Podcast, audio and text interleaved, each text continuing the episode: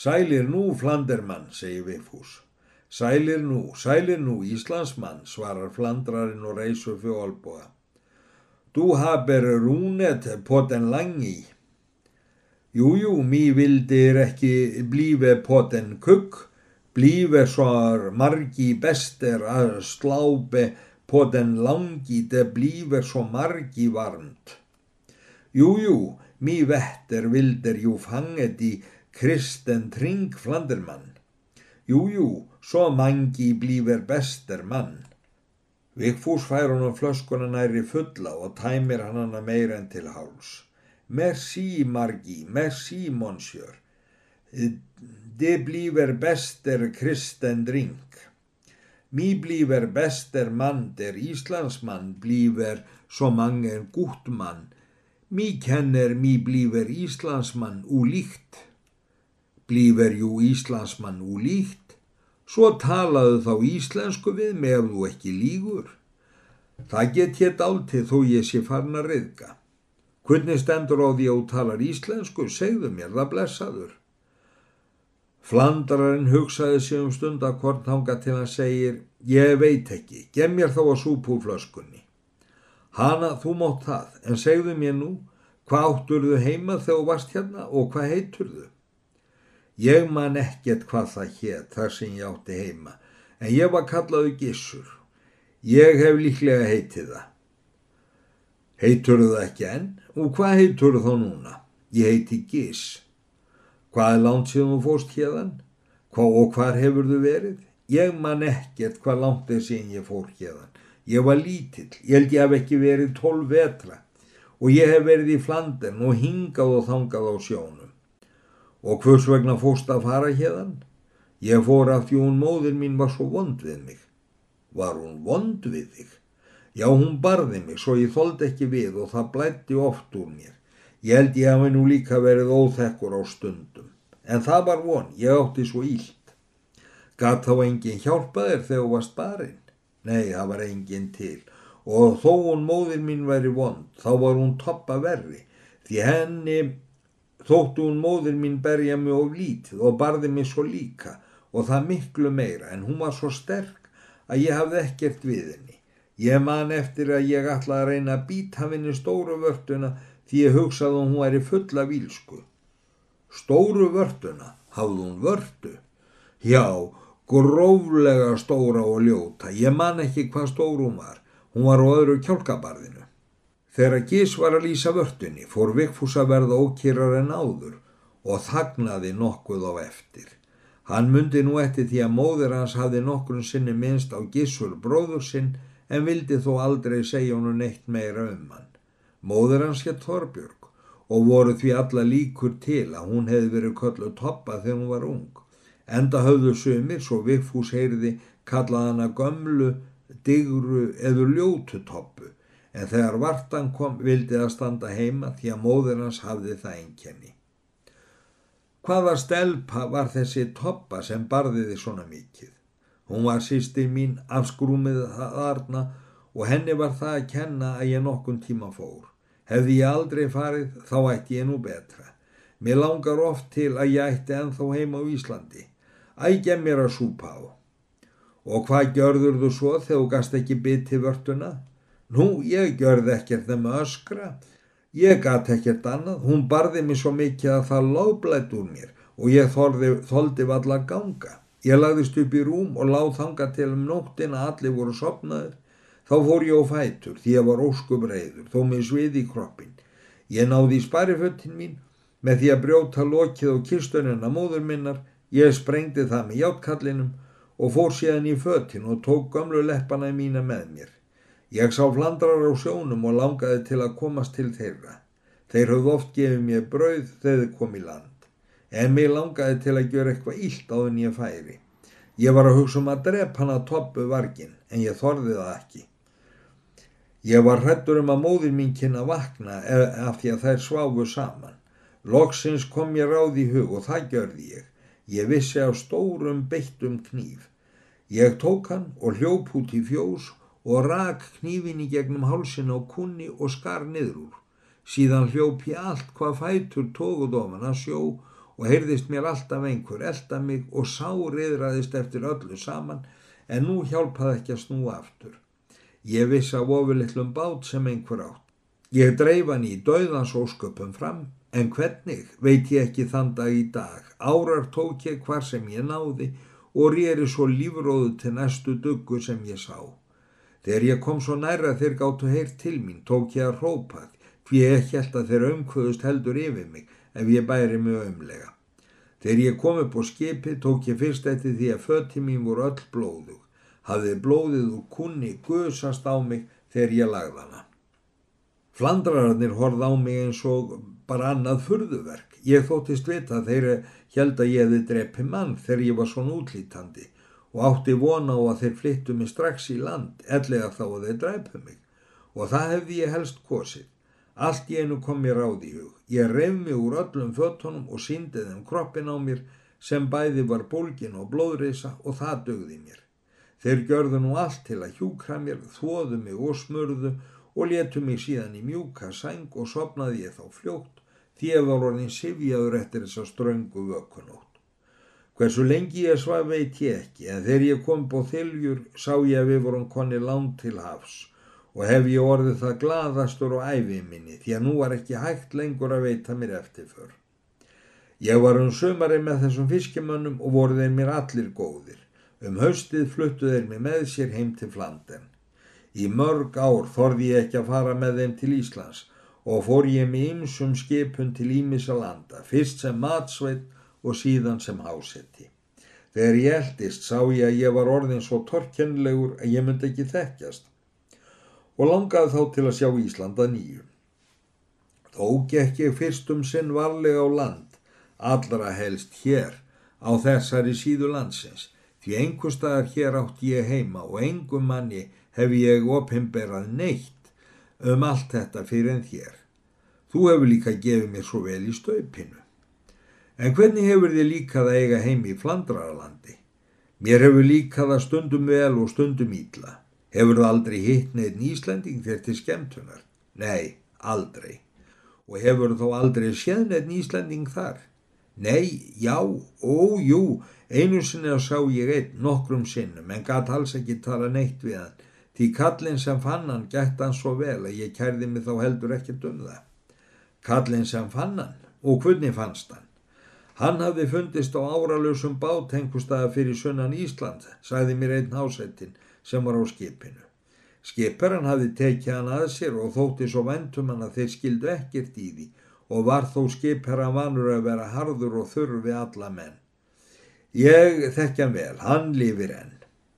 Erði Vigfús ókýr þegar Gís tók að lýsa vörtun á toppu þá varðan það þó tvöfalt meir við þessa sögu hans.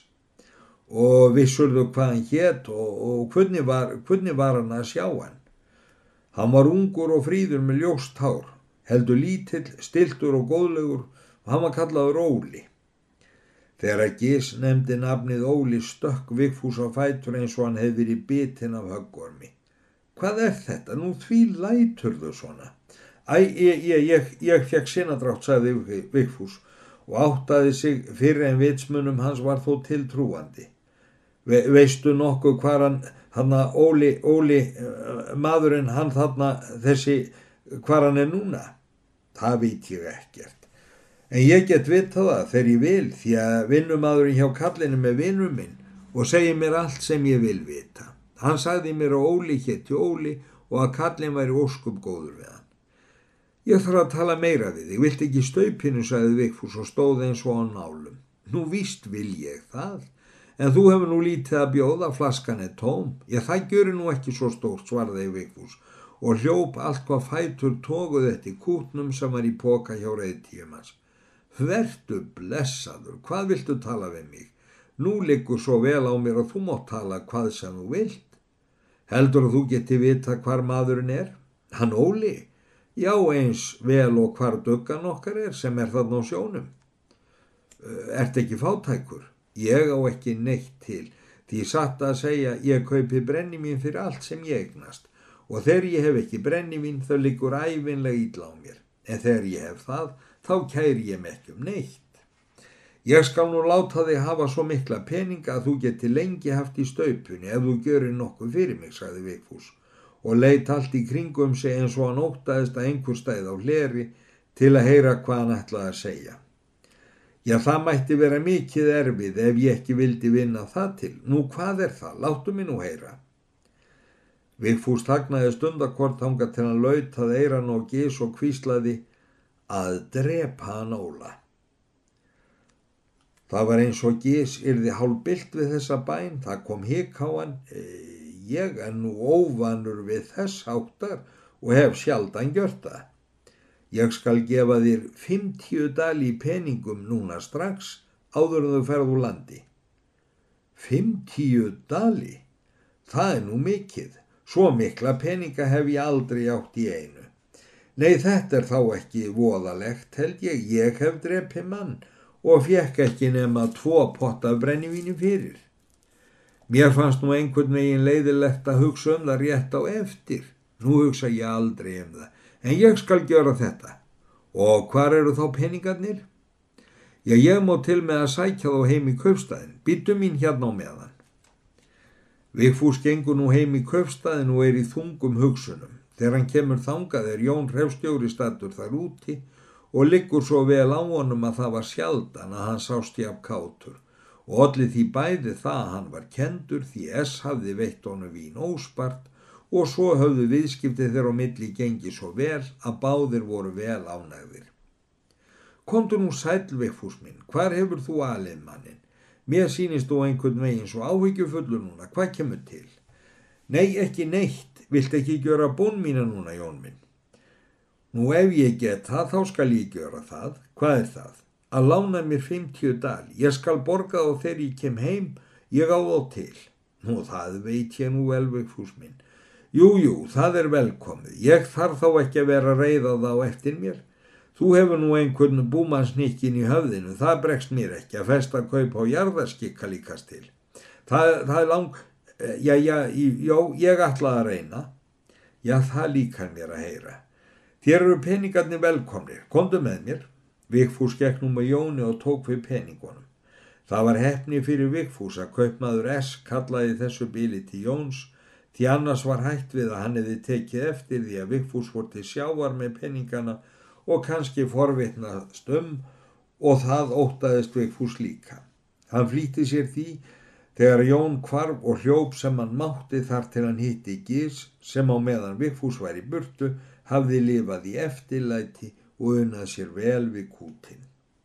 Hann var léttbyrrinn við peningana og skipti þeim í svo marga staði að hann gatt falið á á sér á þess að neitt bæri á. Vigfús ítrekkaði mörgum sinnum vikis að leysa verkið vel af hendi og lofaði því jafn oft og nú var ekki að sjá á honum þætti meiri í það varið en hvert annað daglegt verk. Eftir þetta skilja þeir og var Vigfús samfærður um að það myndi verða móðurbróðir hans sem hann hafði keift við. Hann tekur nú hesta sína og finnur þau Jón ekki, heldur snýran heimleiðis og forðast sem mest alla samferð.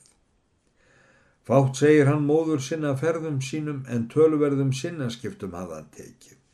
Hann var nú hverstaslega stiltur og fámálugur en sjaldan fór hann í ofsa þótt hann væri mótmælt. Þau frá hóli komu heim á tilteknum tíma og var Þorvaldur í för með þeim. Nálegt miðju sumri spyr Vigfús móðu sína hvort hún aldrei framar ætla að tala við Kristínu sín vegna. Þú skeitir ekkert um mig og vilt helst að mér gangi sem verst. Ég veit ekki hvað Stínu getur þótt að mér. Farðu nú að findana, ég vil hafa þetta klárt strax. Mér er nú hálf ítlavega að vera að stríða við sérviskunni í henni stelpunni. Það er best að þú vinnir hana sjálfur, ég finn hann ekki neitt og farðu bara strax. Þorbjörg sér ekki muni annað hlýða en að gjöra vilja hans og býrst því enn í bónorsför og var þó með nokkru minni fullvissum bænherslu enn í hið fyrra sinnið. Þegar hún kemur á hóli vill hún ekki fara inn en göri bóð fyrir Kristín og kallar hana út undir vegg. Sælvertu nú heilli mín, hvernig sæk ég að þér? Æ, kontu sæl svona heldur vel. Æ, mér langar til að tala við þig fá einn orðgóða mín. Það er hérna um hegumann sem ég myndist á við þig í vetur. Hvað heldur þú geti sagt mér um það? Ég segi þér það satt að hann er eigandi maður hann fúsi minn. Já og ef þú vissir hvernig hann hefur umbreyst. Mér þótt hann áður fyrir heldur örlindur og fjörmikil. Nú eins og úlinga greiðin stundum eru. En núna hann er orðin svo stiltur, svo hægur og hvursmanns hugljúfi. Ég veit það er satt að hann er miklu stiltar en hann var. Mér þótt hann ús helst til mikið á ferðinni samt. Það er meira en satt elskan góða en það er nú ekki um það að tala lengur og hvað getur þau þá fundið á honum? Hann hefur allra besta hjartalag og svo er hann orðin að ég er vissum að hann legðist í rúmið ef hann heldi að nokkur gæti með sanni sagt eitthvað misjantum hann. Og hvaðan elskar þið Kristín? Ég er vissum að hann vildi gangi í opinn döðan fyrir þig. Ég vona ég geti nú fært honum góðan boðskap frá þér. Ekki get ég nú gefið þið neitt í á í þetta skiptið Þorbjörg mín og þó ekki heldur nei. Ég skal vera búin að segja ykkur annað hvort áður en sömarið er úti. Ert ekki ánað með það? Já, það verður þá svo að vera, sagði Þorbjörg, hálf þurr og kvattana. Hvað var gamla Þorbjörg að semja við þig allan þennan tíma, sagði Sigriður þegar Kristín kom inn, þar sem foreldra hennar sátu. Það var nú svo sem ekki mikið að markvert. Eitthvað hefur það nú verið að vöxtónu svo lengi töluðu þið saman, en hversu merkilegt það hefur verið get ég ekki sagt um. Hún er þó ekki að byggja þín handónu vikfúsi sínum en tík. Kristín róðnaði og svaraði engu. Var það svo? Segð okkur það. Þú leinir okkur foreldrar þína þó líklega ekki. Já, það var það. Nú, og hverju svaraðir þú þá? Svo sem engu. Þá hefur þó ekki gefið honum hryggbrot, heyr ég. Ég held að mættu nú skoða hugsin áður en Vigfús er vísa frá. Hann er nú laglegu maður, hann fúsi greið. Og það sem mest er í varið, hann er orðin svo siðprúður ekki er hægt við því hann get ekki grætt. Hvenar og hverju ætlar þú að svara?